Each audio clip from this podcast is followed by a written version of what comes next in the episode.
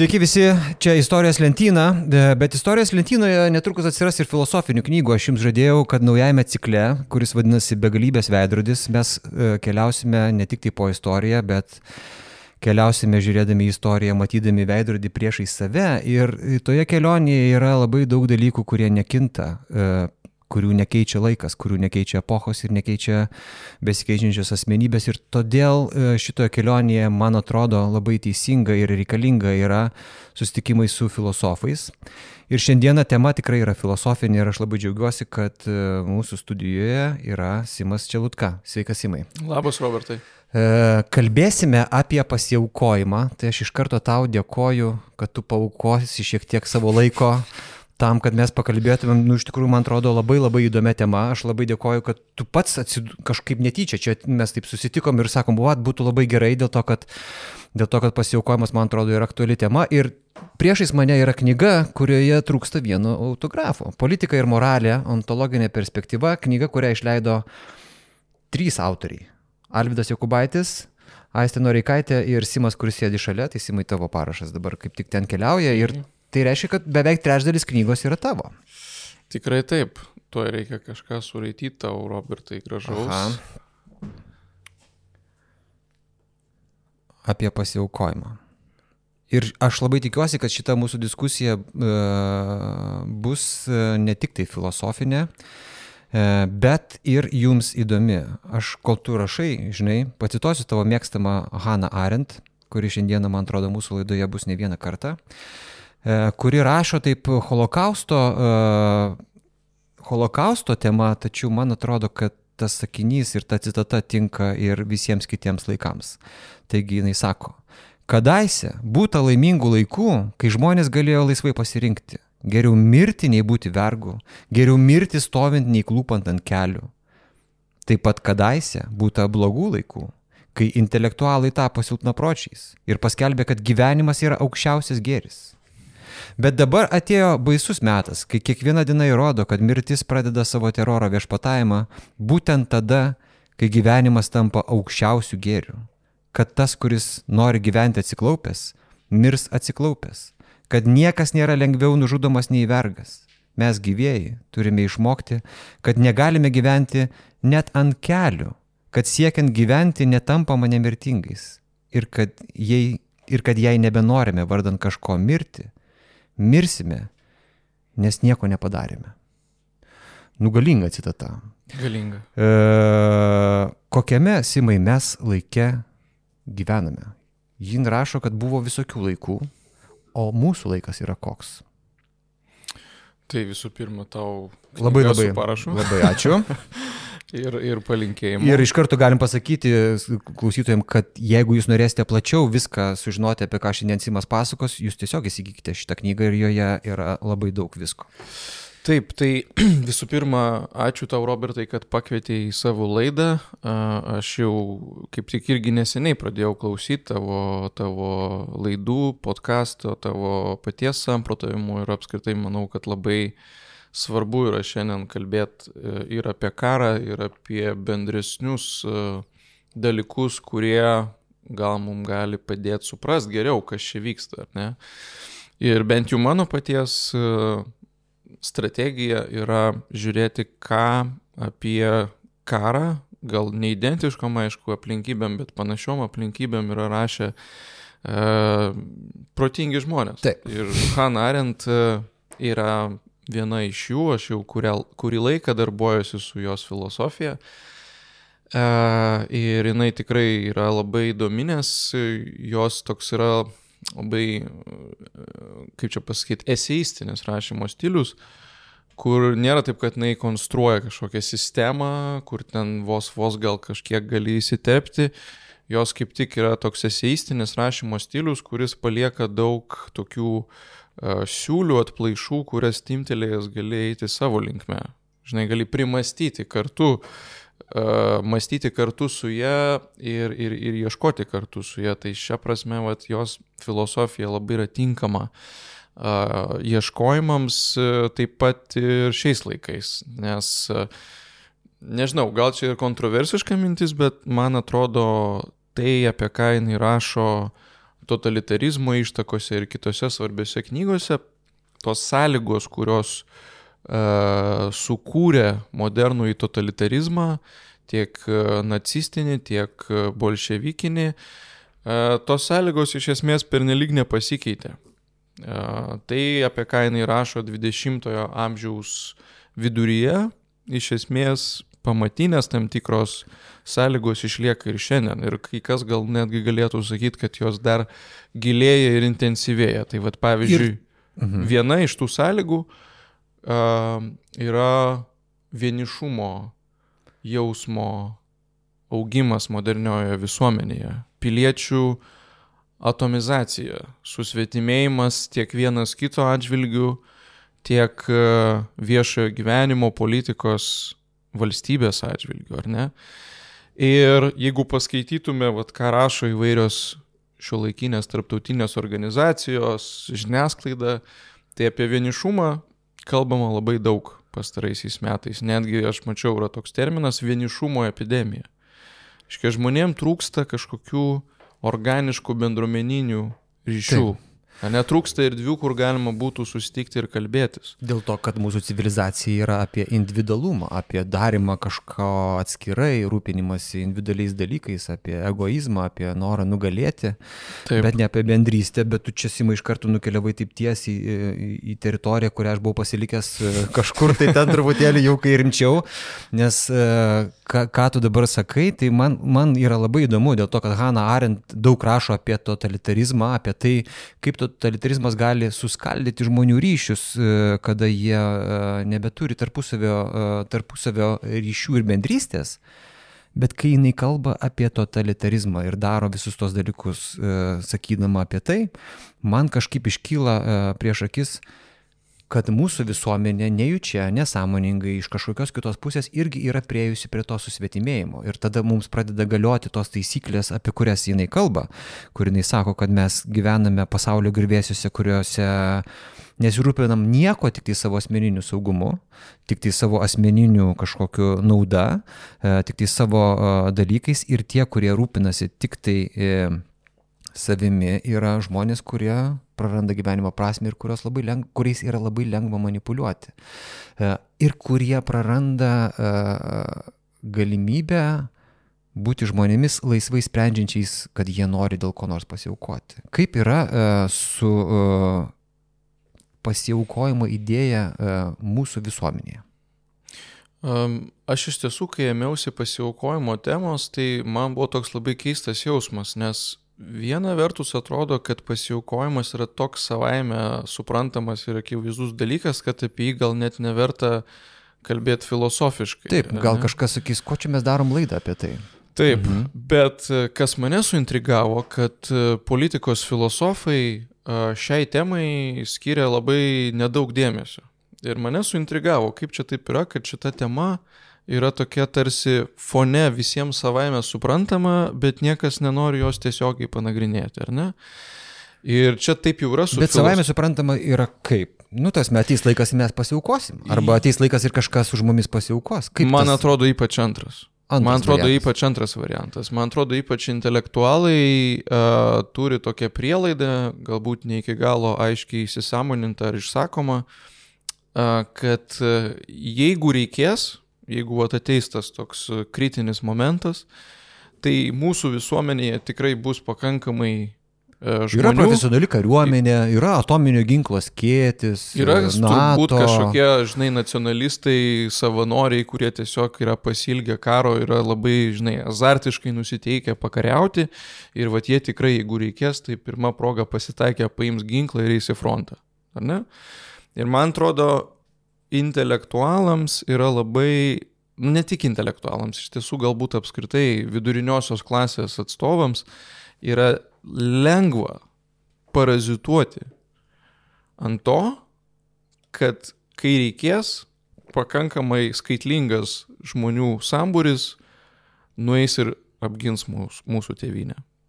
O mes persikelsim į kitą studiją ir toliau e, filosofuosim apie pasiaukojimą. Jo, o mes pasi, pasitrauksim, gal pabėgsim, gal kažkur saugiai įsitaisysim ir tada galėsim toliau savo mąstyti, filosofuoti arba užsimti savo bizniais, privačiais reikalais ir panašiai. Ir man atrodo, kad tai yra tokia labai intriguojanti pozicija. Ne, tu, labai... ją, tu ją vadini postherojiniu mentalitetu.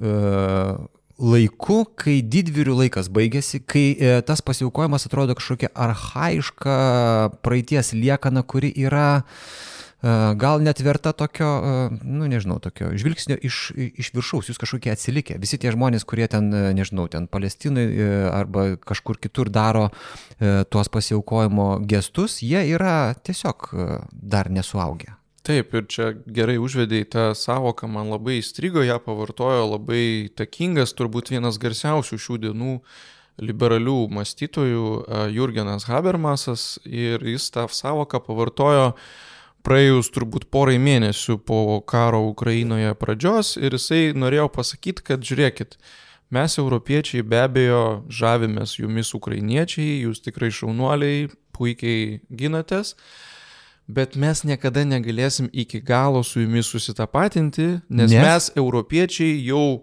po 45, o jau tikrai po 90 gyvename postherojinio mentaliteto epochoje, kas reiškia, kad mes jau palikome karą, politiką tą aukštąją prasme ir apskritai konfliktus, smurtą kažkur užnugarėje. Dabar mes užsiemame priekybą, mes turim tarptautinę teisę, turime tarptautinę moralę kažkokią, net ten irgi įrašyta į tarptautinės teisės kodeksus. Ir mums to užteks. Ir dėl to mes negalime pilnai jūsų suprasti ir su jumis solidarizuotis. Ar ne? Ir nu, va... bet ar mums to užteks? Ar tai yra pozicija, kuri galėtų būti galiojanti? Gal iš tikrųjų užteks? Nu ką aš galiu e, padaryti. Mes mokinamės mokykloje visai ką kitką negu kariauti. Baigėsi karų epocha, baigėsi tie e, seni laikai. Čia kažkokia žmonijos paauglystė buvo. Dabar mes esame subrendę, dabar mes turim technologijas. Tur... Ką? Ar nėra tame tiesos? Taip, bet čia ateina kitas filosofas, kuris labai yra kontroversiškai vertinamas, bet man atrodo, jis vis tiek pasakė kai kurių svarbių dalykų, Karlas Šmitas. Jis pasakė, gali būti situacijų, kai netu rinksies ar turėti priešų ar ne, bet priešas rinksis ar tave laikyti priešų ar ne. Ir vat mes dabar turim situaciją, kai vis daugiau valstybių, judėjimų ir panašiai vakarus renkasi kaip savo esminį priešą ir oponentą. Ir tada vat šitoj situacijoje kyla klausimas, ką tu darai. Taip. Ar tu toliau akcentuoji tik tai diskusiją, dialogą, priekybą ir teisę, ar tu pradedi galvoti, kad to jau pradeda nebeužtekti, ne, reikia kažko kitko. Ir šitam kontekste, kad jau prakalbam apie Ukrainą, ukrainiečius, aš neseniai perskaičiau labai įdomų ukrainiečių filosofo Volodymyro Jarmolenko straipsnį Dvi Europos širdis Ir ten jisai išskiria tokius du pamatinius Europos etusus, kurie visą laiką jo galva apibrėžia Europą. Tai vienas yra agoros etosas arba etika, o agora reiškia mainų erdvę, kur mes mainomės prekiamis, idėjomis ir panašiai. Turim tokį bendrą erdvę, kur visi, visi išlošia. Mhm. Bet kita etika, kuri irgi visą laiką buvo esminga Europoje, yra agono etika. Agonas tai graikų kalba rungtyniavimas, lenktyniavimas, varžybos. Tai irgi va, toks noras būti pirmam, pranokti kitus, ne, nugalėti. Taip. Ir Jarmolenko požiūriu. Tai pirmas yra apie e, bendrystę, o antras yra apie individualumą. Mm, nebūtinai, aš sakyčiau, pirmas daugiau yra apie kompromisą ir dėrybas, mhm. o antras yra apie ryštą ir pasiaukojimą, apie kurį mes šiandien kalbam, ar ne? Apie sprendimą, apie veiksmą, ryštingą veiksmą. Ir Jarmolenko požiūriu šiandien trūksta būtent agono etikos. Jo nuomonė mes ją esame pametę ir vat vokiečių toks mindžikavimas, ne, su visų to Zeitenwende, ne, ir toks negebėjimas vis dėlto, tarsi supranti, kad pasikeitė laikai. Ir jis yra ne tik tai vokiškas, jis yra tik tai tokia lietkolnio viršūnė, iš kurios galima vertinti visą vakarietišką tą situaciją. Taip, tai gal amerikiečiai dar turi tos agono etikos neišvengiamai, kaip, žinai, kai esi pasaulio policininkas, bent jau ilgą laiką juo buvai, tai tas labai paprastai neišgaruos, nors aišku, Irako ir Afganistano nesėkmės labai sudavė smūgį tam. Bet Europoje agono etikos toks įspūdis iš vis nėra. Ta prasme, nesigirdi, kad kažkas turėtų ryšto ir drąsos pasakyti, kad ne, mum vien tik tai ekonomikos ir Taip. teisės nepakanka. Negalima susitarti su visais pasaulio agresoriais. Ne? Ir man atrodo, kad tai tęsiasi taip ilgai, kad dabar jau yra ne tik tai valios klausimas. Prarasta uh, agono etika, tai reiškia prarasta valia, bet uh, net jeigu dabar Europa norėtų, nu, vad kažkaip susigražinti ją, tai nebus paprasta padaryti dėl to, kad uh, galios reikia tam, o galios nėra, galia yra išbarstyta į visai kitus dalykus, į priekybą, į, į pelną, į vartotojiškumą ir visiškai nenukreipta ten, kur, Būtent, reikia karinės jėgos. Būtent, ir čia nėra paprasta būtent todėl, kad e, Habermasas teisus, tas postherojinis mentalitetas jis yra labai stipriai įsišaknyjęs dabar, ar ne, į Europos ypač elitų, bet ir ne tik elitų, apskritai piliečių sąmonę. Dabar, bet žinai, kad, bet gerai, mm, nu, pabaig. kad suprobleminti šitą dalyką ir ne, ne, nesudaryti įspūdžio. Aš noriu padaryti, tu nori su, su, suprobleminti, nes šitoje vietoje susiduria e, iš karto dvi priešpriešos. Yra dar toks e, mirties kultas, pavyzdžiui, tos, kad ir toje pačioje Rusijoje, ir apie jį kalbama yra su panieka, apie tai, kad ten žmonių gyvybė nevertinama, turbūt tą patį galima pritaikyti Palestinai, kur kitaip skaičiuojama žmonių gyvybė. Ir vakariečiai žiūri tai kaip iš tikrųjų kaip, kaip savo pranašumą. Uh, bet ar taip yra, nes aš vat, žiūriu tavo knygos uh, tekstą toliau ir jame tu cituoja įvairius autorius, kurie sako, uh, kad be pasiaukojimo momento, be pasiaukojimo mūsų praeitie dabartis būtų neįmanoma. Ir netgi be pažado pasiaukoti vardant to, ką mes turime dabar ateityje, mūsų ateitis yra po dideliais klaustukais. Tai ar mes turim teisę žiūrėti į, į, į šitą pasiaukojimą a, kaip į arhaišką kažkokį dalyką iš, iš aukšto, ar mes turim sugebėti apyti aplinkui ir suprasti, kad be sausio 13-osios, be Romo Kalantos, nežinau, be, be LDK, e, be žemaičių ten susivienijusių žemė, kurios kažkada pasiaukojo atsilaikydamos prieš vokiečių spaudimą, nebūtų, nebūtų nieko. Ir, ir nesvarbu, kad laikai pasikeitė, mūsų valstybė irgi Mhm. Pradings, jeigu, jeigu praras šitą savybę. Taip, taip, tai aš visiškai sutinku ir man, ką aš bandžiau parodyti knygoje, tai yra, kad uh, pasiaukojimas apskritai yra tokia pamatinė, struktūrinė, kaip aš sakau, ontologinė politinio egzistavimo sąlyga.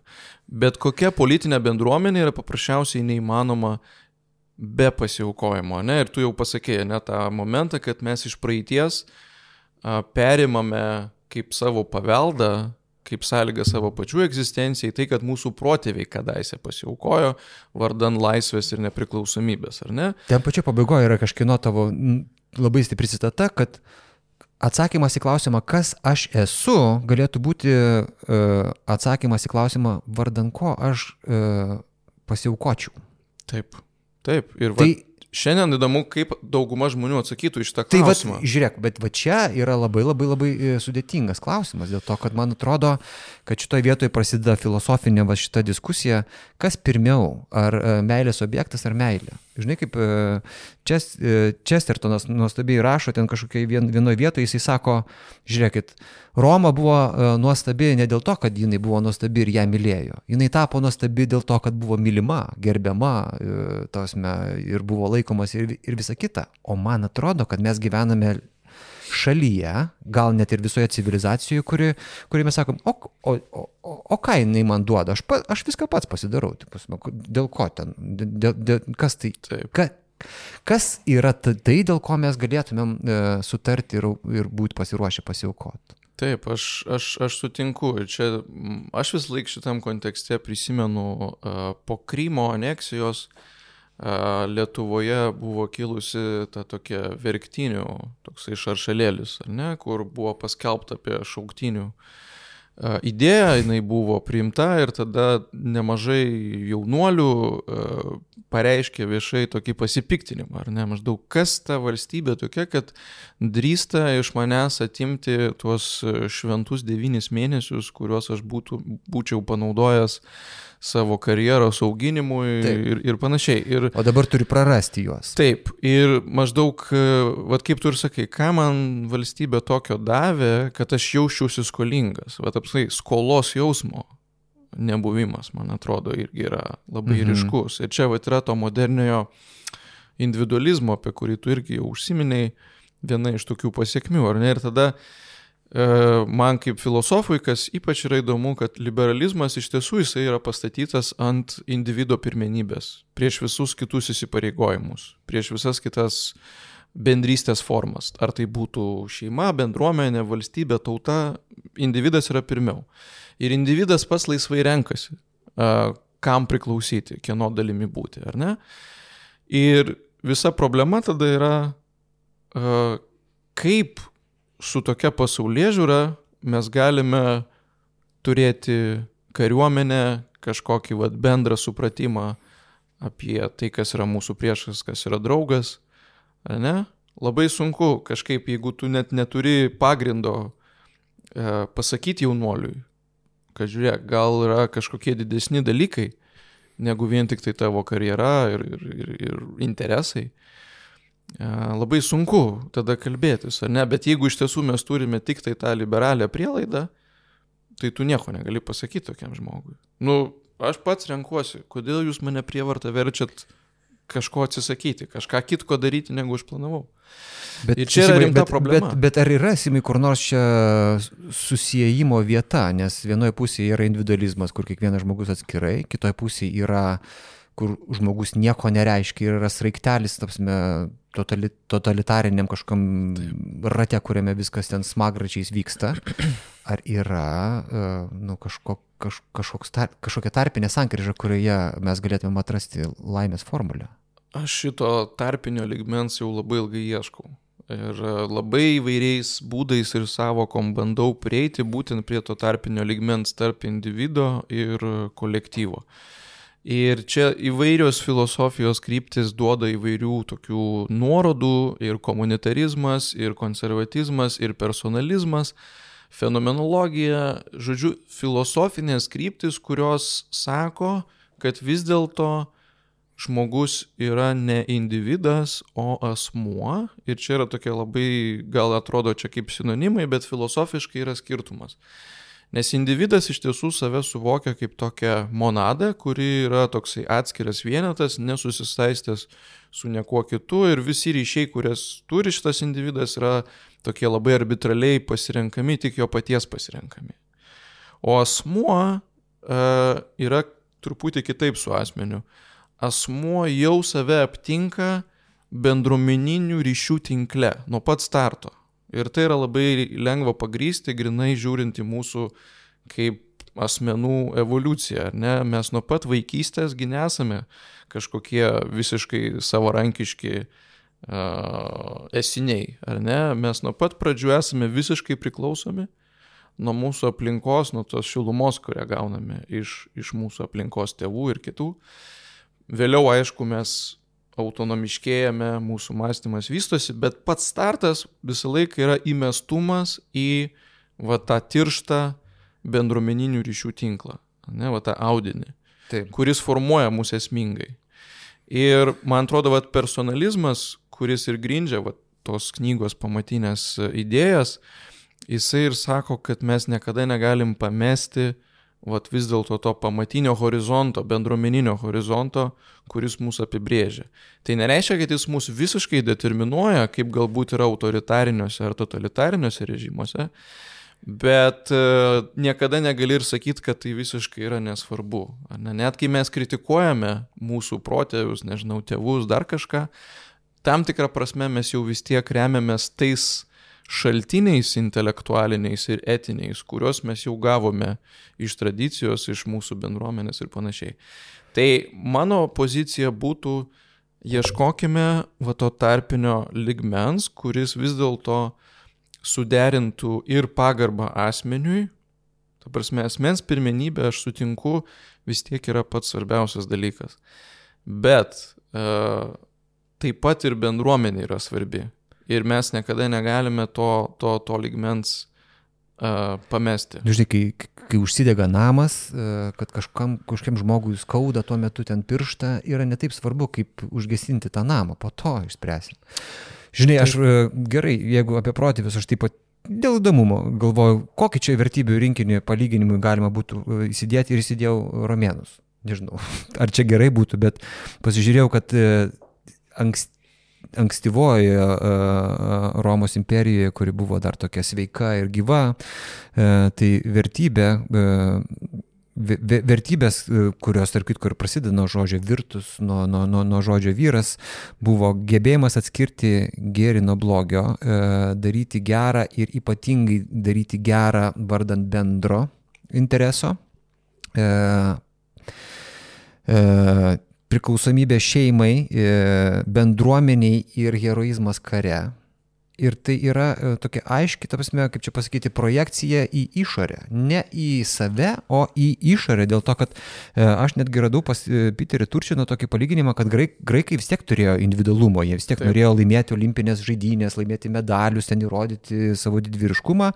O Ro Romoje buvo daugiau apie drąsą, išmintį ir apie pasiaukojimą apie pasiaukojimą, kuris keliauja net iki e, mūšio lauko, nes jeigu romėnams yra keletas tokių įspūdingų epizodų, jeigu romėnams blogai sekasi mūšyje, ten būdavo netgi tokia tradicija, kad e, legiono vadas ar tercijos vadas, jis, e, jis atsistoja e, kažkokioje labai gerai matomoje vietoje, sako didelę maldą e, dievams ir ta malda reiškia, kad jis pasiaukoja, nuimdamas visą dievų prakeiksmą nuo savo karių, eina į pačią ten mirtiniausią mūšio vietą, kurioje pražūva, bet su tuo drąsiu įėjimu į mirtį e, paralyžiuoja priešininkus ir užveda savo, savo karius. Tai čia yra viskas apie labai labai senus laikus ir apie imperiją, kurią mes, nu, žavimės iš laiko perspektyvos. Bet pas mus nieko to atrodo nėra. Pas mus karo vadas sėdi pačioje saugiausioje įmanomoje vietoje dėl to, kad nu, jis yra karo vadas, ne? Mhm. Mes gyvenam kažkokiam jau tikrai kitokiame pasaulyje. Labai įdomi tavo nuoroda ir aš kaip tik vat, visai neseniai klasikų klube kalbėjau apie Tienus ir Romą ir aš irgi tokį atsekiau įdomų dalyką, kad e, graikų e, šlovės ir drąsos e, provaizdis buvo Achilas. O Hilas yra toksai, va, individualistas, taip, taip sakant, jau mūsų žvaigždė. Jo, toksai, man svarbiausia mano paties nemirtingumas. Taip. Ne? Ir mano žygdarbiai yra mano žygdarbiai. O romėnai, čia ypač jeigu žiūrėsim uh, Vergilijaus Eneidą ir kaip jisai konstruoja Romos įkūrimo ir viso genealogijos uh, istoriją, uh, jų ištakos yra Troja, o Troja kaip tik yra pralaimėtoja. Ir Trojos Taip, e, pagrindinis herojus buvo Hektoras. Ir vad esminis skirtumas yra tarp Hektoro ir Achilo. Hektorui uh, esmė yra pasiaukojimas vardant šeimos ir tėvynės. Ne jo paties asmeninis nemirtingumas. Ir vad būtent romėnai iš Hektoro, o ne iš Achilo perima va šitą šlovės suvokimą. Kas Na. yra iš tiesų šlovinga. Ir, ką, ir kas būtų, jeigu mes dabar padarytumėm tą televizinį tokią baiką, televizinį balsavimą, kas balsuoja už Achilą ir Hektorą, kaip manai, kas laimėtų? Kas laimėtų? Tas, Žinai, kuris pasiaukoja, ar tas, kuris yra nu, didvyris ant kalno? Žinai, geras klausimas. Ir vat, man iš tiesų atrodo, kad realiai tai šiaip jau su mūsų, kaip čia, tautinė, ar ten, nežinau, valstybinė savimonė nėra taip blogai. Man atrodo, blogiau yra su intelektualų arba viduriniosios klasės žmonių mąstymu. Ta prasme, aš tikrai tikiu, kad Lietuvoje būtų pakankamai žmonių, kurie va tą kritinę akimirką vis dėlto eitų ginti šalies. Ir man atrodo, čia kaip tik va neseni pavyzdžiai labai gerai tą parodo ir Ukrainos, ir Izraelio pavyzdžiai. Ne, va tas solidarumas, kuris užgimė krizės akivaizdu, jis yra neįtikėtinas. Pagalba, savanorystė, pasiaukojama, tas neskaičiuojama savo valandų, pinigų. E, ir, ir mes, tiesą sakant, rodydami solidarumą su ukrainiečiais, va, aukodami pinigus, aukodami drabužius, primdami pabėgėlius į savo būstus, irgi iš esmės netokiu gal mastu, bet praktiškai rodome kažką panašaus į tą dvasę, ar ne? Tai man atrodo, bet, kad šiaip jau nėra ne, bet, Simai, tiek aš, bloga situacija. Aš su tavim sutinku, bet man atrodo, kad e, mūsų e, didvyriškumas, pasiaukojimas, e, va, tas, va, tos aukštosios vertybės keliauja iš apačios ir tai irgi yra labai gerai. Bet niekas nepasitinka jų iš viršaus. Man atrodo, kad va kur yra problema. Tasme, kad, kad, kad, at, a, a, kad, kad tarpas gaunasi tarp, tarp tų, kurie norėtų pasiaukoti e, ir tų, kurie turėtų jas pasitikti, bet jeigu jų niekas nepasitinka, tada normaliam žmogui iškyla klausimas, palaukit, o dėl ko aš aukosius? O, o mano auka nebus beprasmiška? Ar, nu, ar yra prasmė mano sprendime pasiaukoti, jeigu niekam ten aukštin neįdomu? Tu visiškai teisus ir būtent todėl aš pradėjau rašyti apie pasiaukojimą, nes aš kaip tik ir pamačiau tą tokį pertraukį tarp viena vertus to savaime suprantamumo, kad vat eis žmonės ir intelektualam galbūt irgi tas nekelia bejonių. Ir vis dėlto trūkumas žodžių ir savokų, kuriais mes tą patirtį galėtume įžodinti ir įprasminti. Ne, vat, kaip tu ir sakai, iš apačios eitų tas dalykas, bet joks viešas diskursas nepasitinka va to ryšto aukotis. Ne? Ir va čia gali kilti problema, nes žmonės vis tiek klauso, ką šneka ir, ir viešieji žmonės, nuomonių formuotojai, politikai. Tai jeigu jų kalbėsenoje nėra adekvataus suvokimo, kas yra pasiaukojimas vardan ko, jisai yra svarbus, tai gali, kaip tu ir sakai, kiltas klausimas, tai ką mums tada vis dėlto aukotis, jeigu valstybė yra neaišku apie ką, ne? Tai čia yra problema ir aš nenoriu jos irgi, kaip čia pasakyti, supaprastinti labai. Tai vad, kai aš norėjau sakyti, kad aš noriu suproblemint, tai yra vis dėlto aš ir neadvokatauju tokio, nu žinai, džingoistinio, šovinistinio, militaristinio kažkokio diskurso, kurio irgi pasitaiko tokioj tolimesniai dešiniai, ar ne? Nes tai irgi nėra atsakymas, mano galva. Taip. Ar ne? Nes jis toks kalbėjimas irgi atstumia daug e, žmonių. Ar ne? Galbūt daliai žmonių jisai tinka, bet principiai jis atstumia žmonės. Tai vad, sakyčiau, šiandienos uždavinys intelektualams, filosofams, vad surasti žodžius, kurie įprasmintų vis dėlto tą pamatinę, nu jeigu norite, patriotinę e, nuostatą, bet nepadarytų iš to nacionalizmo. Vat kur man atrodo yra uždavinys šiandien nelengvas. Nelengvas tikrai. Aš manau, kad šitą klausimą, Simai, tu turėsi pakartoti ir nu, pamėginti atrasti vis dėlto. Jeigu ne nacionalizmas, tai kas tas, kodėl ir kas tas, kas galėtų mus suvienyti dėl kitamintyšių. Bet aš dabar dar e, labai norėjau tave gražinti prie tavo mėgstamo e, Jano Patočkos. Kažkodėl aš jį noriu vadinti Patočką.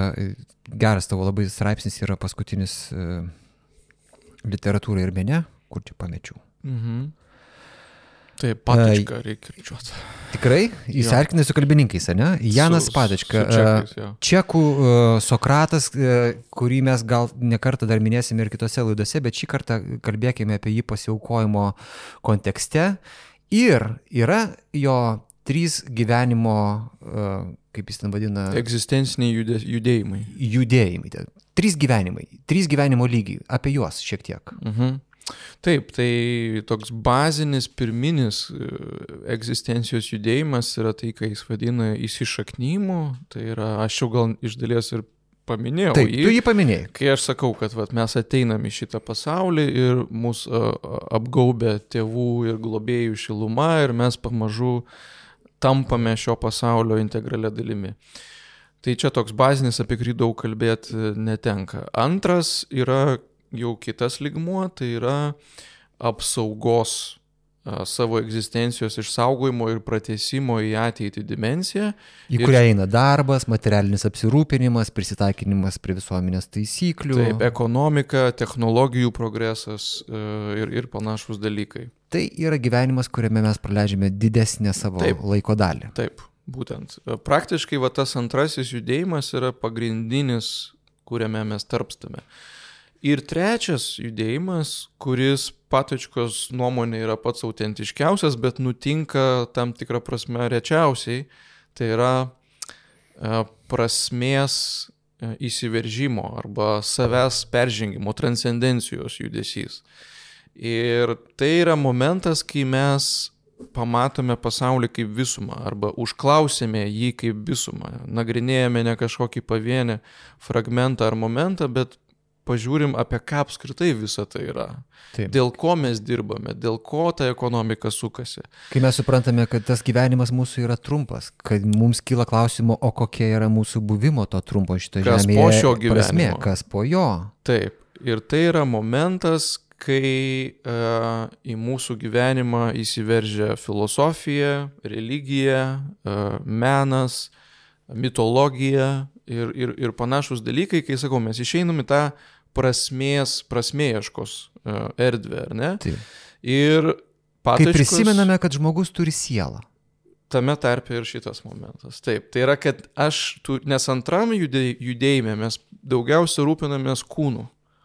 Kūno Ir materialiais dalykais, taip. Taip, būtent. Ir klausimas, va, trečiam judėjime yra, ar tikrai to pakanka, ar mes esam tik tai materija. O jeigu ne, tai kas tas daugiau, ne, kas ta siela, ne, kokie tie aukštesniai yra žmogaus poreikiai. Tai vad patočkos teigimu ir čia jis beje labai panašia linkme juda kaip ir Hanna Arendt, kuri skyrė a, darbą, gaminimą ir veiksmą. Abu šitie mąstytojai sako, kad vat, moderni... Darbas, gaminimas ir veiksmas. ne? Taip. Tai praktiškai vat, patočka tiesiog kitais žodžiais persako. Tai, me- prasme, į- į skirtingi lygiai, ne? Tipo, tiesiog eini ir dirbi. Jo tiesiog pragyvenimas, pratest savo fizinę egzistenciją. Taip. Gaminimas tai būtų jau savo pasaulio, taip sakant, apstatymas daiktais, daiktų, e, pastatų ir panašiai kūrimas, civilizacijos kūrimas. O veiksmas tai būtų, bent jau Arent filosofijoje, tokios autentiškos bendrystės, e, politiškumo tikrąją to žodžio prasme gimimas. Tai yra, kai mes susieiname draugien ir kartu sprendžiame mums bendrus reikalus, projektuojame bendrą ateitį diskusijų, argumentavimo, įtikinėjimo pagalba. Ne jėgos, ne gaminimo, ne Taip. materijos apdorojimo, bet bendro kūrimo sąlygomis. Bet ir Patočka, ir Arint šitoje vietoje sutinka, kad mes e, daugiausia sukamės darydami, dirbdami. Taip, Ir labai retai mums atsitinka, kai mes suprantame, kad atėjo metas veikti kažką, ypač kartu. Absoliučiai Ane? taip. Absoliučiai taip. Bet, bet pas kiekvieną žmogų ilgesys va tam veiksmui yra kažkoks pasąmoningas jausmas, kad tu uh, jame gali atrasti save, save tokį, koks tu iš tikrųjų esi arba kokio tu net negalvoji, kad galėtum būti. Absoliučiai taip. Ir a, dėl to, man atrodo, šiandien mes matome daug tokių patologijų, ypač politiniam gyvenime. Populizmas turbūt būtų viena iš jų, a, kai žmonės vis dėlto sako, žiūrėkit, nu nėra politika tik tai apie a, ekonominių poreikių patenkinimą, tai nėra tik apie BVP. Tai O nėra tai tik... ką, ne? Aš tik galvoju, kad taip. Ten, Tai Jeigu turi didelę kompaniją, tau politikai padarys nuolaidų, ten vi- viską padarys, kad tu... Taip, bet vat paaiškėja, kad žmonėm retkarčiais užsinori kažko daugiau. Ne, kad politika visą laiką turi ir tą tokią metafizinę dedamąją, kuris sako, palauk, bet o kur mes kaip bendruomenė tame? Kodėl viskas yra atiduodama tik tai e, specialistų, ekspertų e, valdymui? Kur yra mūsų balsas kaip bendruomenės? Ne, mes Taip, turim ten dabar ten, ten, nežinau, kerta, kerta Lietuvos miškus ir žmonės niekaip negali susilipdyti į kažkokį vienetą, kuri, kuris galėtų būti išgirstas, klausykit, nekirskit tų miškų, sustabdyk, nebėra instrumentų tą padaryti. Būtent, būtent. Ir va čia, man atrodo, ir yra, vėlgi, aš grįžtu prie to tarpinio ligmens Aha. paieškų, ar ne, kur mums vis dėlto reikia suvokimo, kad va tas bendruomeniškumas, patriotizmas sveikąją prasme, jie yra labai labai svarbus. Ir taikos laikotarpiu taip pat. Ne tik tai, uh, kai karas ar okupacija grėsia. Nes yra, mes galim tik tai viltis dabar, kad jeigu ateis uh, rusai pas mus, kad tikrai mes mobilizuosimės. Bet klausimas dabar yra toks, ar mes dar turime erdvės, kol dar nevyksta karas, saliginės taikos laikotarpių, bent jau vertybiškai ir dvasiškai pasiruošti šitam. Ir, atėjimui. ir fiziškai taip pat. Fiziškai be abejonės taip pat. Čia turbūt jau būtų atskira tema, mhm. kaip ten tas fizinis pasirašymas e, vyksta, ar ne? Ir greičiausiai jie susiję. Jeigu nėra dvasinio, jeigu iš esmės vis tiek labiausiai visiems norisi būti darbo ir gaminimo erdvėjai, kurioje nereikia nieko veikti. Jo, tu eini iš inercijos. Žinai, ir tiesiog dirbi, dirbi karjerą, šeimos. Bet žinai, va irgi, aš kai tai sakau, aš nenoriu nuvertinti. Nu, man irgi šeima žiauriai svarbu. Aš dabar turbūt sakyčiau, kad svarbiau negu valstybė ten ar kažkaip. Bet ne? ten tai stiprus yra tas uh, palyginimas, jeigu sugretintum šeimą su, su, su, su valstybė, ne? Tai šeima tau yra žiauriai svarbu ir aš net nebejoju, kad tu pasiaukotum dėl savo vaikų, dėl savo, dėl savo šeimos, jeigu reikėtų. Bet klausimas, kaip tu tą darytum? Dėl to. Ar tu dėl... bėgdamas iš šalies, kad apsaugotum? Tasme, bet tu vaiką? darytum viską, ką tu laikai, nusime, galėtum atiduoti viską, kas yra tau svarbu, kad tik tai galėtum padėti savo šeimai. Tai vad klausimas yra, ar mes nesame pasiekę tokio dalyko, kad šeima ir valstybė yra nu, labai labai skirtingi dalykai. Tai, ką aš galiu padaryti dėl šeimos, yra žymiai daugiau negu tai, ką aš dar galėčiau padaryti dėl valstybės, kurioje sukasi rinkimai, kuriuose aš nieko nežinau, kas ten vyksta, kurioje kurie, kurie niekas nuo manęs nepriklauso, kuriame mes neturime jokios bendros kalbos, mes neturim bendrų autoritetų, mes neturim Taip. sutarimo, nuomonės. Tas mes labai sunku va šitoj vietoj atrasti va tą uh, jungti. Nu, tą jungti. Mhm. Aš sutinku, aš sutinku, nes dabar iš esmės šeima yra tapusi individu, individualistinio tokio kalbėjimo dalimi. Ne? Vat yra aš ir mano šeimos vienetas. Ir svarbiausia Taip. yra jo gerovė ir saugumas. Ne? Bet tada ar jisai pats yra dar susijęs su ta platesnė bendruomenė, Taip. yra didelis klausimas. Ne? Ir man atrodo, šiandien vis labiau to nėra. Ir mane kas stebina, aš kai rašiau tą savo dalį apie pasiaukojimą, mane pritrenkė, va, pavyzdžiui, skaitai mūsų partizano Liongino Baliukevičiaus dzūko dienoraštį ir tu matai, kad jo, turbūt ir kitų, bent dalies kitų partizanų mąstysenoje šitie dalykai nebuvo atskirti. Mintis buvo tokia, jeigu mes dabar nepasiaukosime vardan savo šalies, kaip mes galėsime pažiūrėti savo vaikams į akis? Va tokia mąstysena moralinė buvo. Supranti, Taip, o... gėda auginti vaikus vergovėje. Ir dėl to pasiaukojimas vardan šalies yra toks svarbus. Ne? ne tai, kad dabar tai daugiau, man atrodo, yra mąstymas, uh, jeigu aš prarasiu savo gyvybę, tai, žinai, mano ten vaikas nebeteks apsaugos uh, Taip, uh, ir panašiai, ir, ir, ir čia bus blogai. O jų mąstysenui buvo, palauk, o kokiam pasaulyje jisai auks, jeigu nebus bent simbolinio pasipriešinimo jeigu mes tarsi priimam, kad ok yra mūsų okupuota. Ne? Mhm. Tai vėlgi čia yra truputį kitokia jau etika. Va taip pasakyti gebėti. Taip. Ne? Tai bet, bet mes vis tiek išeinam į tą pasiaukojimo klausimą dėl to, kad Janas Potioška ir sako, kad uh, tas trečias ligmuo su pasiaukojimu sugražina vertybinės hierarchijas, e, išneša mumis iš pasivumo, iš abejingumo, iš manimo, kad mes nieko negalime pakeisti. Ir e, kaip tu čia gražiai parašiai, paradoksaliai netgi gali mums priminti, kad gyvenime būna svarbesnių dalykų už patį gyvenimą. Ir, ir Jano Patičkos gyvenime atsitiko ten keletas tų dalykų, buvo Palacho susideginimas, po kurio sekė mums, tai mes galim dabar kalbėti apie mums aktualius e, pavyzdžius, ne Romas Kalanta. Taip mes turim partizanų tą pačią veiklą, be kurios irgi viskas gal būtų buvę kitaip. Mes turim sausio 13-ąją, kai nebuvo jokio individualaus intereso, nebuvo jokio apskritai tasme kažkokio materialinio intereso, kai žmonės ėjo, tikėjo ir jautė bendrystę, kokios nu, po to aš nežinau, kada, kada mes jautėm.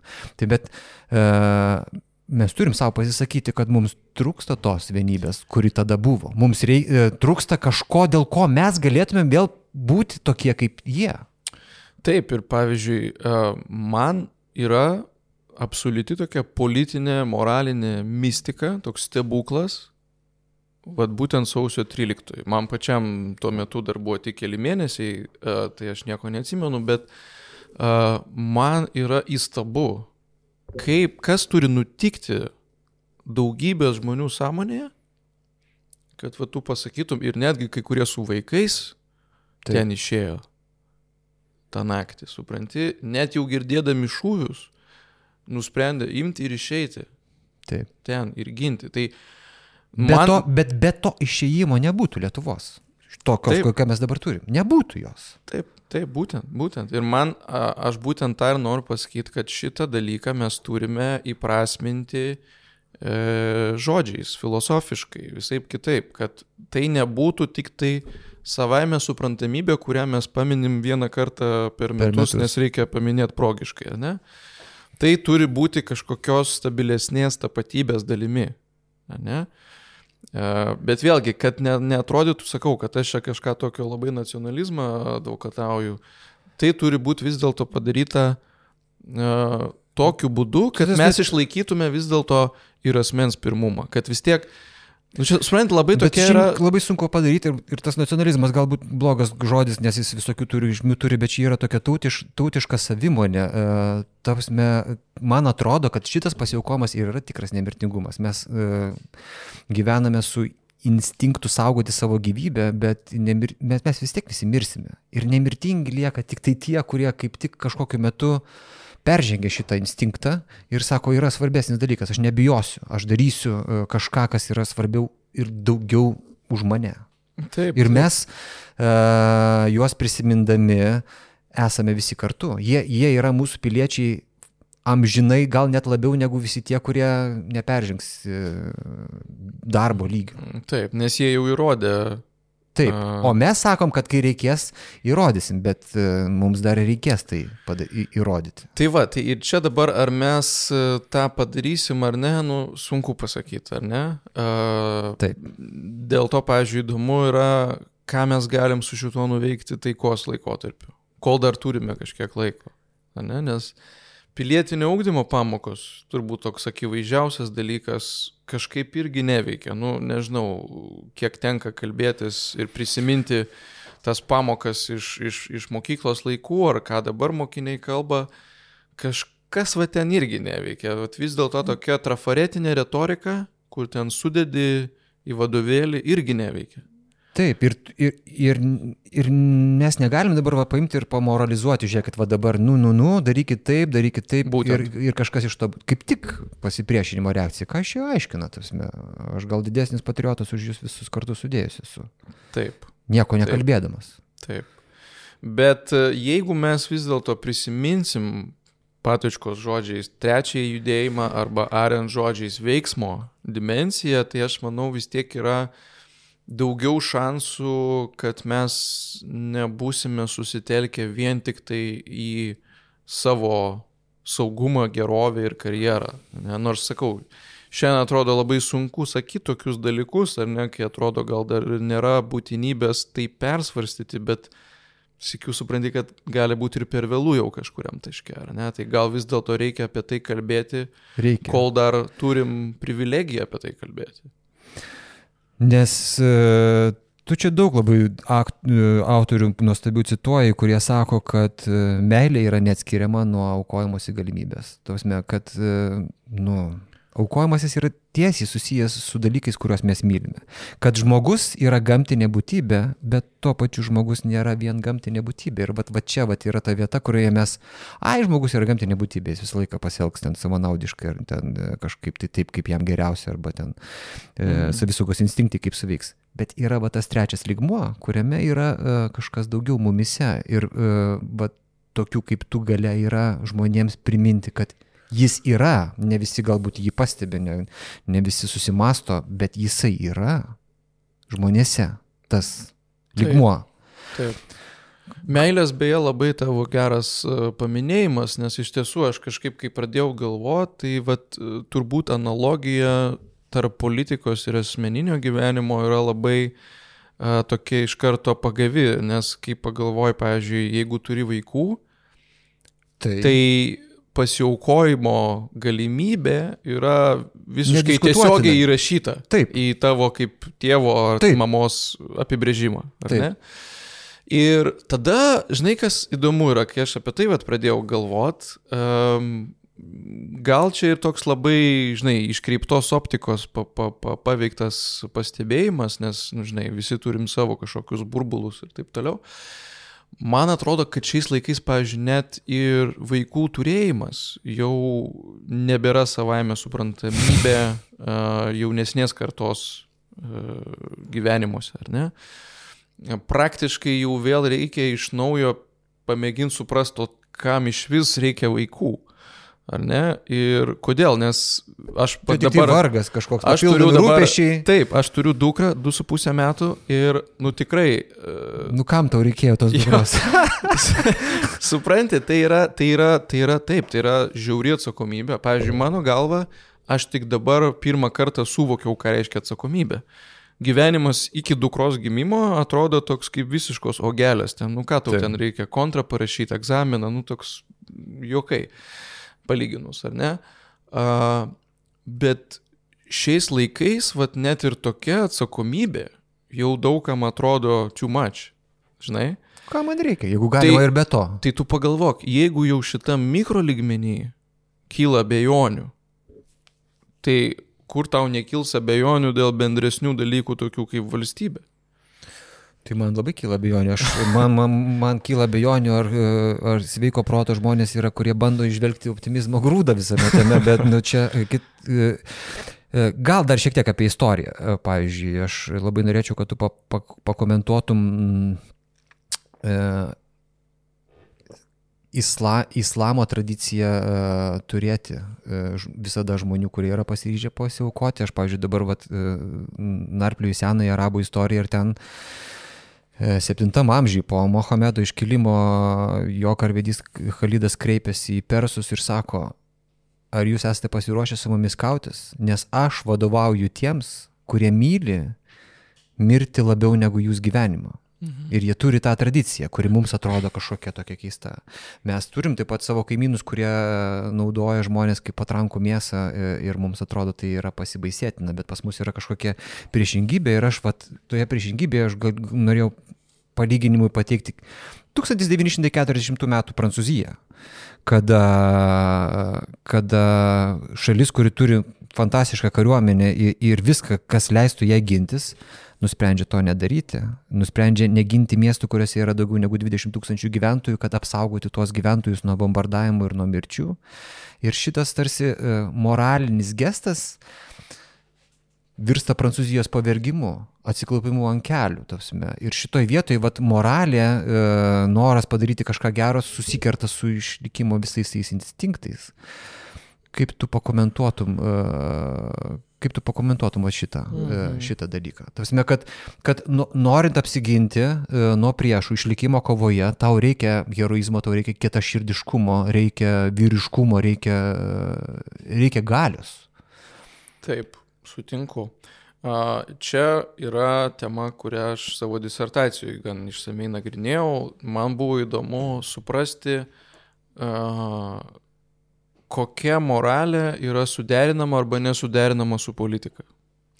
Nes politika yra sudėtingesnis dalykas už moralę. Politikoje mes turim labai daug interesų įvairių, labai daug aplinkybių, nenumatytų aplinkybių, nenumatytų pasiekmių ir žymiai sunkiau yra suprasti dažnai, kas yra gerai, kas yra blogai politikoje. Ne?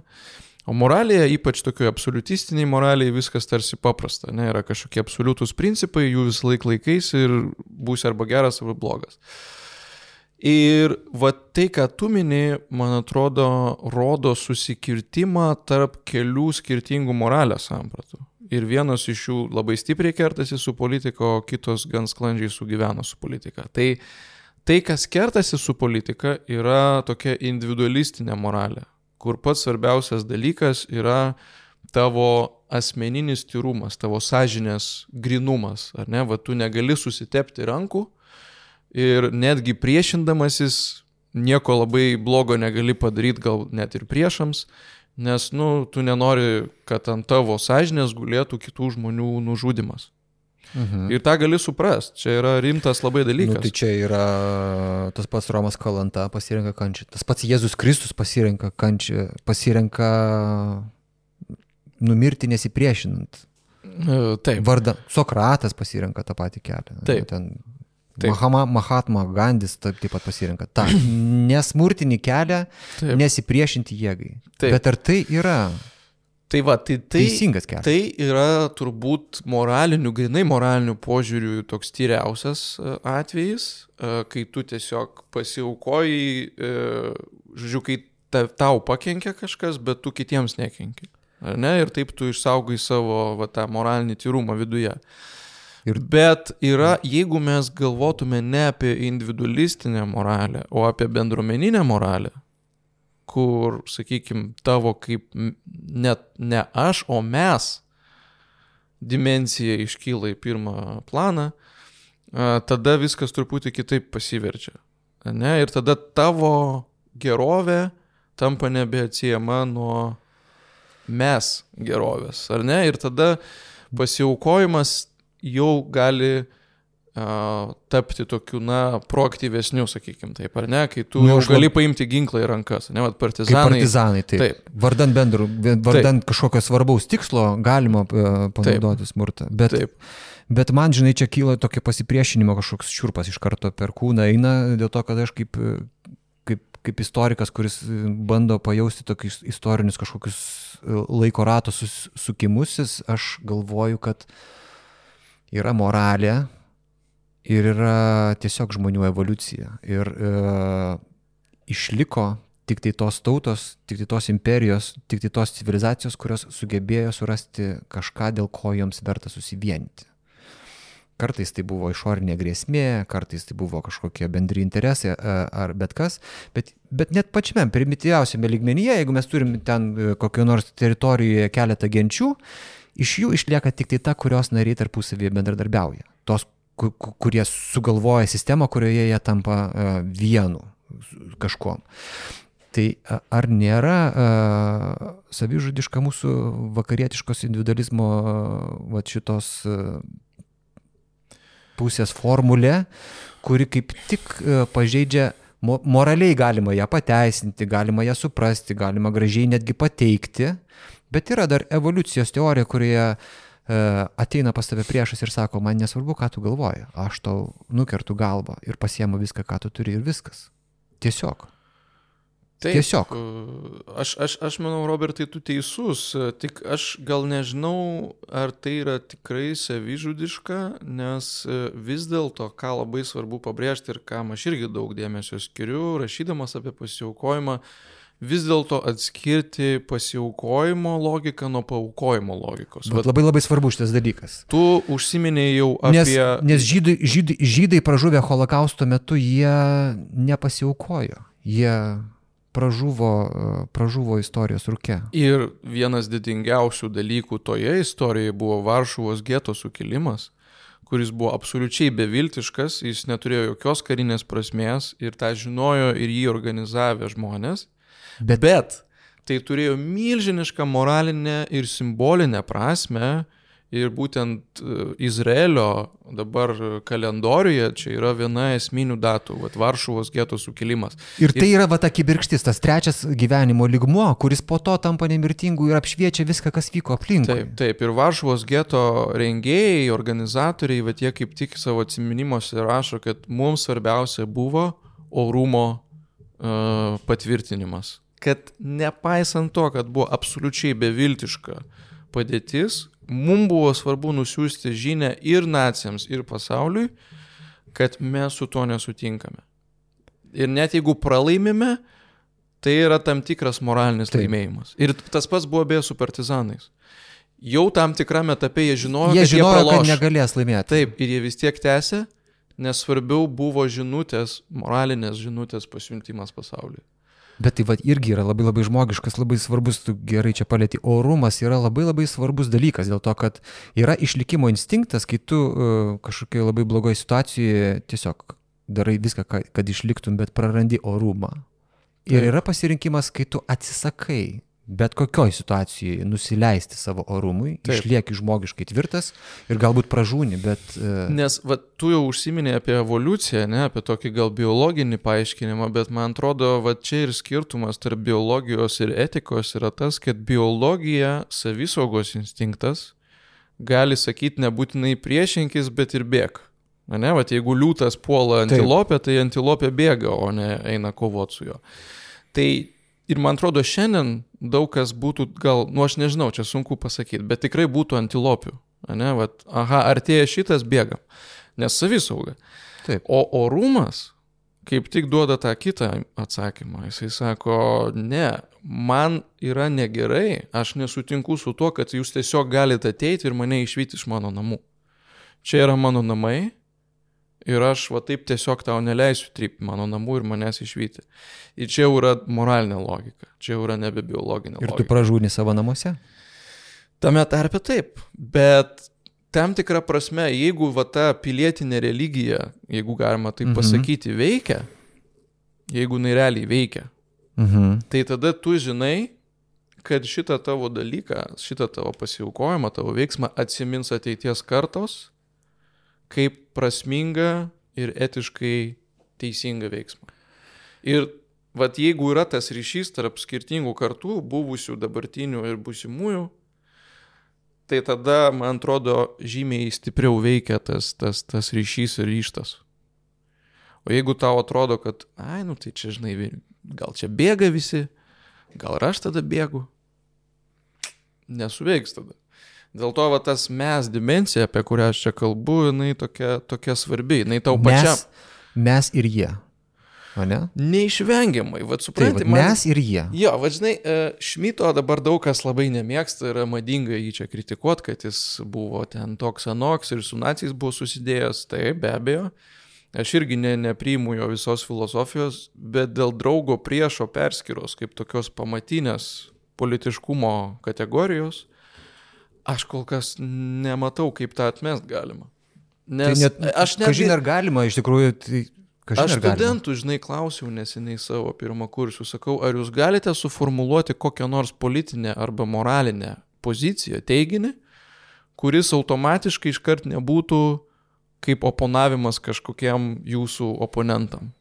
Ne, va tiesiog, va, kažkas yra žiauriai gerai ir va aš tą siūlau. Niekas negalėjo tokio sugalvoti. Reiškia, už kiekvieno politinio arba etinio pasisakymo slypi opozicija tam, ką tu atmeti.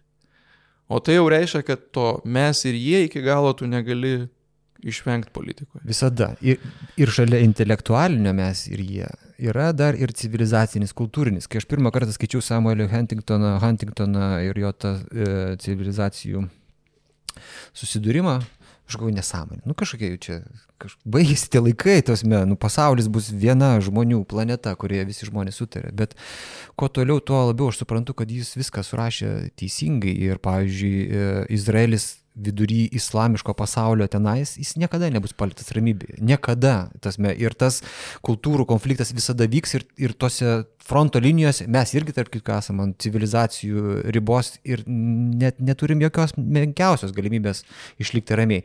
Tai žiūrėk, bet tame civilizacinėme skirtume dabar yra kažkoks tikrai didelis dalykas, nes tai, kas vyksta Palestinoje, dabar tik tai aiškiai matosi tasme, jie turi savo dievą, jie turi savo tikslą, jie yra pasiryžę pasiaukoti, jie pasiryžę yra paukoti tiek, kiek reikės. E, kad grauždami, negalėdami padaryti to technologiškai, kiekybę vis tiek pragraužtų upelius, kurie virs upėmis ir po to kažkokia jūra ir kažkada vis tiek potvinis nuplaus tą, ką jie nori nuplauti. O mes šitame civilizacinėme konflikte vis dar galvojame, nu, kad baigėsi tie laikai, kad kažkaip čia viskas įsispręs, kažkaip sudėliosim, kad mūsų technologinis pranašumas mums e, leidžia ramiai būti. Bet man atrodo, čia yra, uh, čia yra Aš sutinku. A, tik tai čia vat irgi, vėlgi, kad į, įnešt truputį kompleksiškumo, tai man atrodo, vakarai vis tiek neturi atsisakyti savo individualizmo pilnai, nes tai ir yra tai, kas atskiria vakarų civilizaciją nuo kitų. Visos kitos yra kolektyvistinės. Nu, turbūt, ne, nenoriu čia per drąsiai sakyti, bet didžioji dauguma kitų yra kolektyvistinės. Ir vakarai, va čia ir yra didžioji drama - surasti receptą, kuris vis dėlto suderintų individualizmą ir bendruomeniškumą. Ir sakau, tai yra labai sunku padaryti, aš pats kažkokio čia auksinio atsakymo a, neturiu, kaip tą padaryti, aš galiu tik tai tokių, žinai, nuorodų duoti. Nu, prašau, prašau Ne, duoti tai- nuorodus įmai. Tai va, tų filosofinių čia, man atrodo, mes daug e, pri, prismaigstėm šiandien, bet e, mm, man atrodo, va, grįžtant prie skirtumo tarp pasiaukojimo ir paukojimo, tai va, tai, ką tu mini, islamizmas a, prie mūsų sienų dar aktualiau yra a, Rusija. Iš ten eina, uh, žinai, paukojimo logika. Vat ypač Rusijoje tas Taip, aiškiai matyti. Bet aš norėjau, kad tu pakomentuotum daugiau apie tai, nes nu, Taip. tai yra aiškus skirtumas, kultūrinis toks, mentaliteto skirtumas, Tai, tai va, didelis. tai ten, bet čia netgi lietuvių kalba mums taip patogiai duoda tą skirtumą, pasiaukojimas, jisai turi tą sangražus dalylytę, nurodo, kad tai yra asmeninis veiksmas, aps, asmeninis Aš apsis- pats nusprendžiu pasiaukoti. Taip.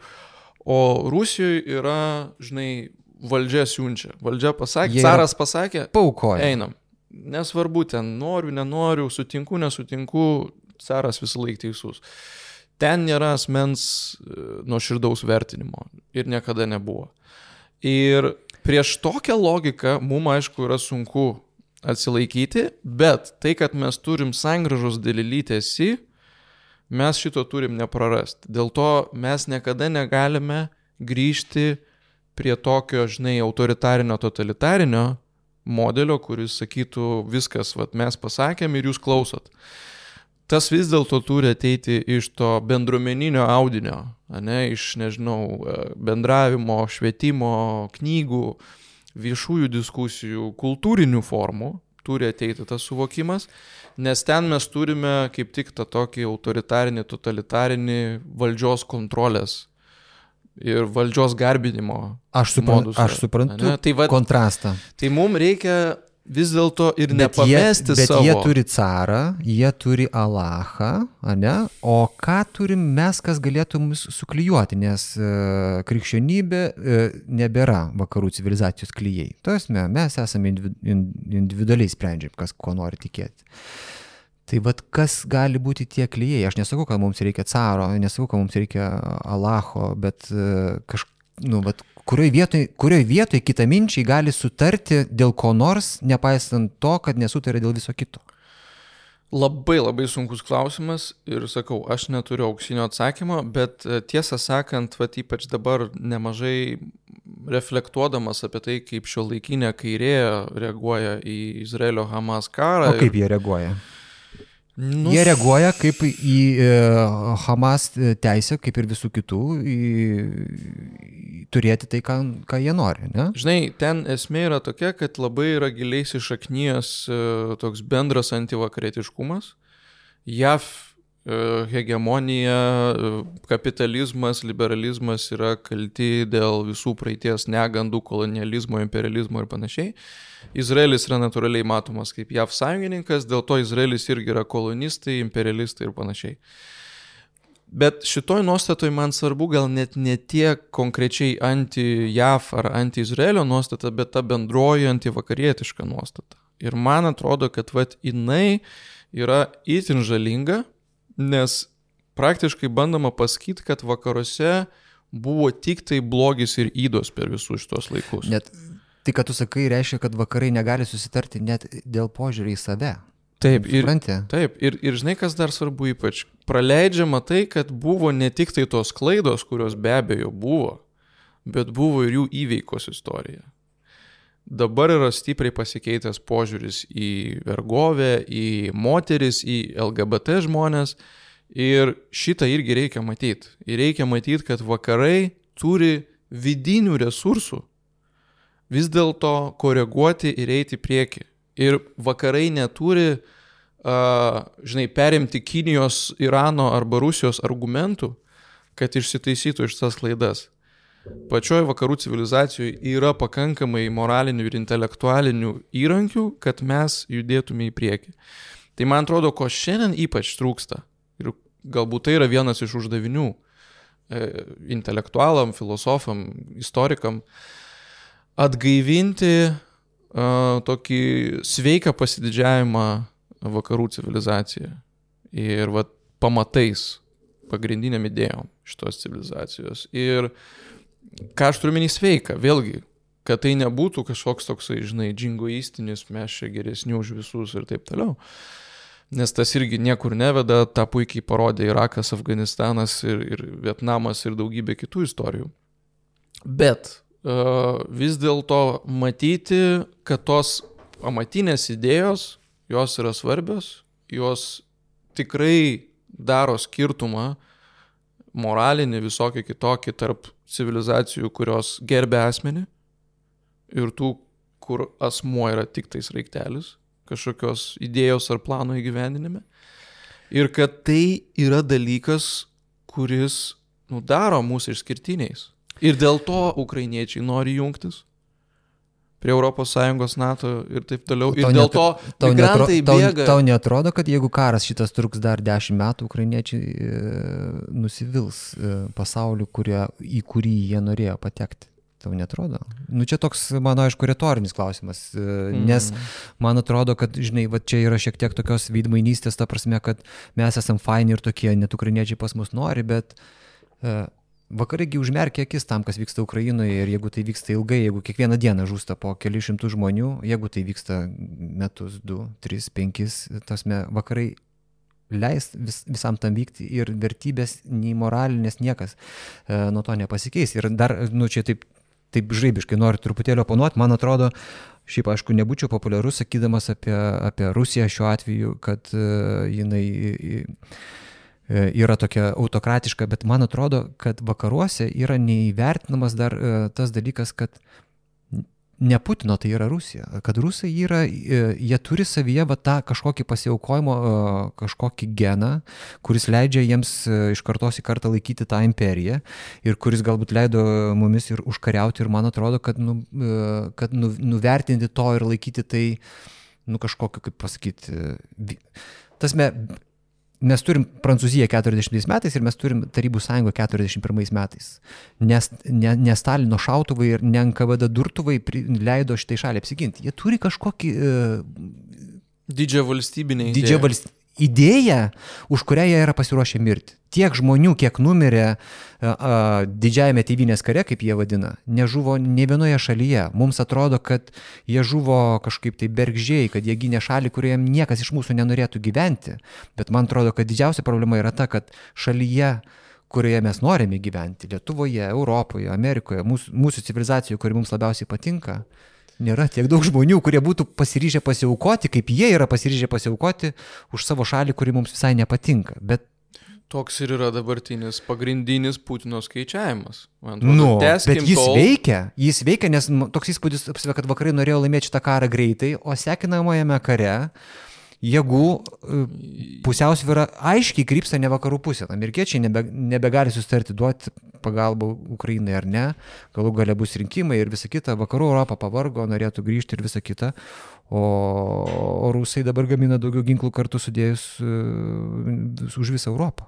Nu, tai Yra iššūkis, aš sutinku, iššūkis. absoliučiai. Uh, tik tai aš nesu tikras, ar konkrečiai ukrainiečių dvasia įmanoma taip lengvai palaužti.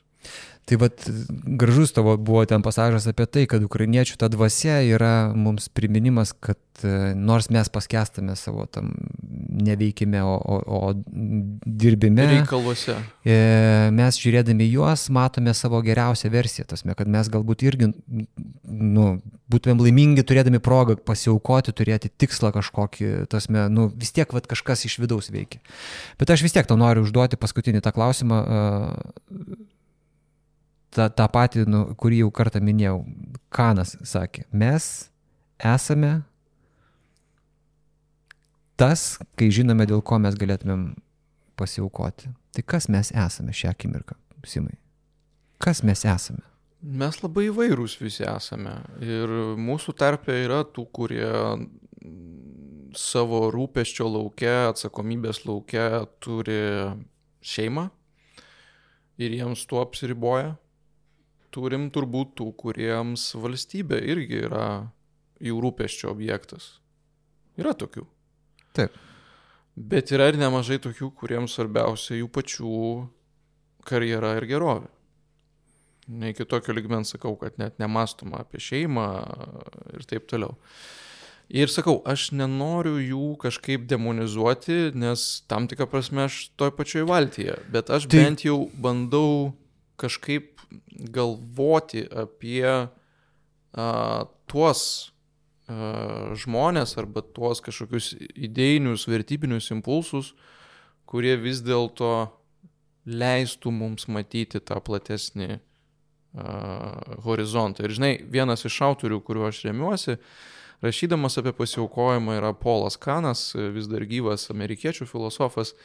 Man patiko vienoje vietoje jis rašo, sako, aš pats esu liberalas, bet dėl intelektualinio sažiningumo aš noriu ir negaliu nematyti to, kad Amerika yra pastatyta ne tik ant liberalizmo pamatų. Ir jis rašo knygą, uh, kurioje deda liberalizmą į savo vietą, taip ir pavadina ją. Put, putting liberalism in its place. Jo, jo, padėti taip. liberalizmą į jo vietą. Vėlgi, nenuneigiant jo svarbių labai dalykų, esminių dalykų, žmogaus teisų, laisvės apsaugos, va tai yra tai, kas tarsi mūsų ir atskiria, ar ne, nuo, nuo kitų santvarkų, nuo kitų civilizacijų ir to nereikia pamest.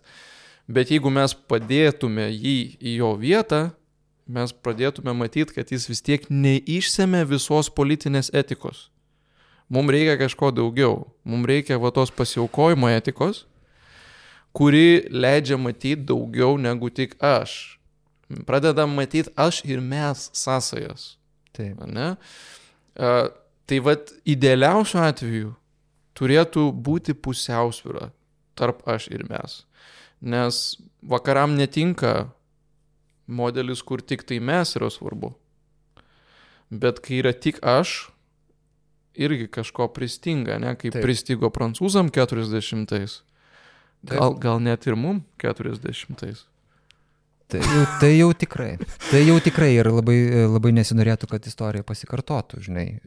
Bet aš tau labai įsimai noriu padėkoti už tai, kad uh, E, nors nėra tai lengva padaryti, man atrodo, tau pavyko mūsų klausytojams bent jau pasakyti, kad e, mes galime pažiūrėti į savo praeitį ir prisiminti dalykų, e, už kuriuos galėtume būti dėkingi, kad yra vat, kažkas daugiau negu vien tik tai mūsų gyvenimas. Mes galim pasiskaityti Janą Patočką ir prisiminti, kad yra dar stebuklingas lygmuo uh, už mūsų kasdienybės uh, gyvenimo, kurį mes pamirštame, bet tai nereiškia, kad jo nėra ir kad uh, galimybė į tą stebuklingumą lygmenį nukeliauti yra mūsų, kaip čia, pasiryžimas ar pažadas išnaudoti progas, galvoti ne tik apie save, jeigu taip, jeigu taip atsitiks ir reikės to. Ačiū tau labai. Ačiū Robertai, ačiū tau.